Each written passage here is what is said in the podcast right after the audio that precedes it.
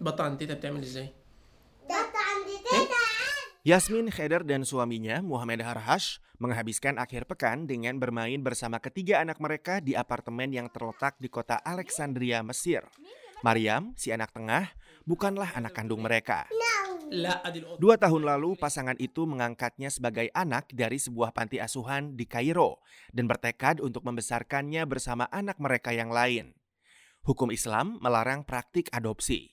Hukum itu diterapkan kepada warga Muslim di Mesir. Islam menekankan pentingnya menjaga garis keturunan untuk memastikan alur warisan. Setidaknya, warga Muslim dapat merawat dan membesarkan seorang anak terlantar, meski anak itu kemudian tidak diperkenankan memperoleh warisan dari orang tua angkatnya. Seringkali, anak yatim piatu diambil keluarga jauh mereka tanpa adanya dokumentasi resmi. Hampir semua negara Muslim lainnya di kawasan Timur Tengah mempraktikkan hal serupa. Akan tetapi, Islam memperkenalkan konsep hukum bernama kafala, di mana seorang muslim dapat memperoleh hak asuh secara penuh atas seorang anak yang bukan keturunan mereka. Meski demikian, anak tersebut tidak bisa memperoleh nama keluarga sang orang tua angkat maupun mendapat hak waris. Ajaran Islam mendorong praktik kafala yang menjanjikan ganjaran luar biasa di akhirat bagi muslim yang merawat anak yatim piatu dan anak-anak terlantar. Dalam wawancara dengan kantor berita Associated Press, Yasmin menuturkan, الناس بت... ب... يعني بتتهافت عليها وتكررها كتير لا مش هي دي المرتبه اللي احنا عايزين نوصل لها المرتبه Kami ingin bersama Rasulullah di surga, di mana ia berkata, saya dan mereka yang merawat anak yatim piatu akan hidup di surga seperti ini. Sambil ia menunjukkan dua jarinya, jari telunjuk dan jari tengah. Untuk itu, sudah sepatutnya saya merawat anak ini di rumah, memeluknya dan membiarkannya tidur di samping saya.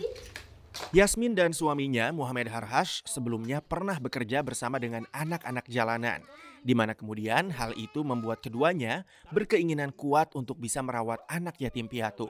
اما بقى من ناحيه الدنيا فاحنا يعني إيه، احنا اولا احنا اشتغلنا في موضوع الاطفال الشوارع لو كانت ياسمين Dari perspektif duniawi, Yasmin dan saya sudah sering bekerja dengan anak-anak jalanan, dan kami kerap melihat betapa buruknya kondisi mereka. Kami terkadang juga mendengar cerita perlakuan kejam terhadap anak-anak di panti asuhan. Kami akan menyelamatkan nasib anak ini jika kami menghadapi semua masalah itu. Ia tak lagi harus tinggal di jalanan atau di panti asuhan. Kami akan memastikan ia memiliki ayah dan ibu, juga mendapat semua kasih sayang yang dibutuhkannya. Bagi kami, hal itu tidak terlalu sulit karena kami akan membesarkannya bersama anak-anak kami yang lain. Pada tahun 2018, pemerintah Mesir memperkenalkan sejumlah amandemen hukum yang melonggarkan sejumlah pembatasan praktik kafala. Tahun 2019, Menteri Solidaritas Sosial Mesir meluncurkan kampanye berjudul Keluarga bagi Setiap Anak yang berkomitmen untuk memberikan keluarga angkat bagi para anak terlantar.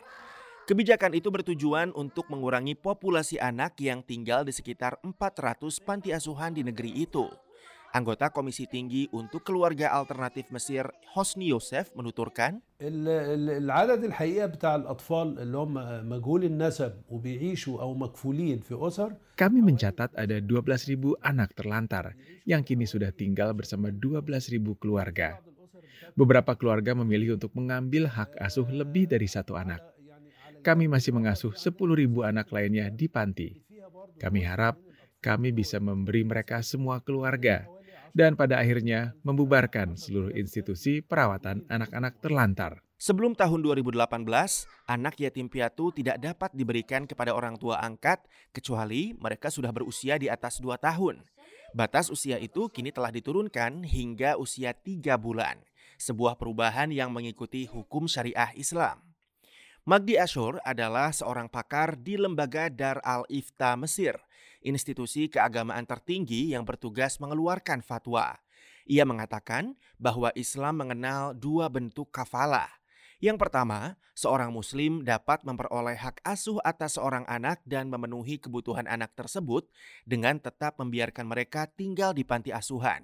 Kedua, hukum syariah juga memperbolehkan orang tua angkat untuk merawat anak tersebut di rumah mereka sendiri, asalkan memenuhi sejumlah persyaratan. Magdi Ashur dari lembaga Dar al-Ifta Mesir mengatakan,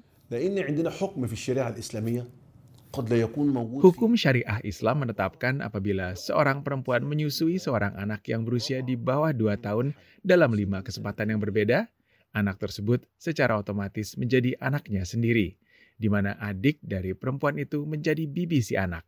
Bahkan, anak-anak dari perempuan itu menjadi kakak adik anak tersebut. Dengan memenuhi syarat tersebut, anak itu tidak lagi menjadi pihak asing di dalam keluarga. Dalam kasus Yasmin, ia dan suaminya membawa pulang Maryam ketika ia masih berusia tiga bulan. Pada saat itu, Yasmin juga tengah mengandung anak laki-lakinya yang bernama Sofyan. Delapan bulan kemudian, ia melahirkan Sofyan dan pada akhirnya menyusui keduanya. Dengan demikian, menurut Ashur, anak tersebut dianggap sebagai keluarga dekat. Pada akhirnya, merupakan suatu hal yang ilegal bagi anak tersebut untuk menikahi perempuan yang menyusuinya itu ketika ia sudah dewasa. Begitu juga bila ia anak perempuan, maka ia tidak bisa menikahi suami dari perempuan yang menyusuinya ketika sudah dewasa. Salah satu argumen yang selalu diungkit para pengkritik praktik kafala adalah bahwa anak yatim piatu dan anak terlantar dapat membawa aib ke dalam keluarga angkatnya karena mereka biasanya lahir di luar ikatan pernikahan. Hal itu dengan tegas disanggah Yasmin.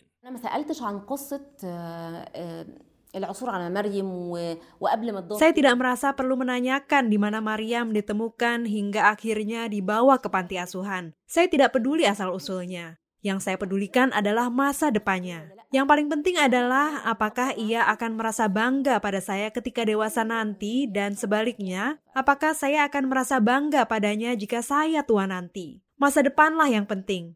Ia tidak bisa dituntut untuk bertanggung jawab atas masa lalunya. Rifan Dwi VOA. Oh,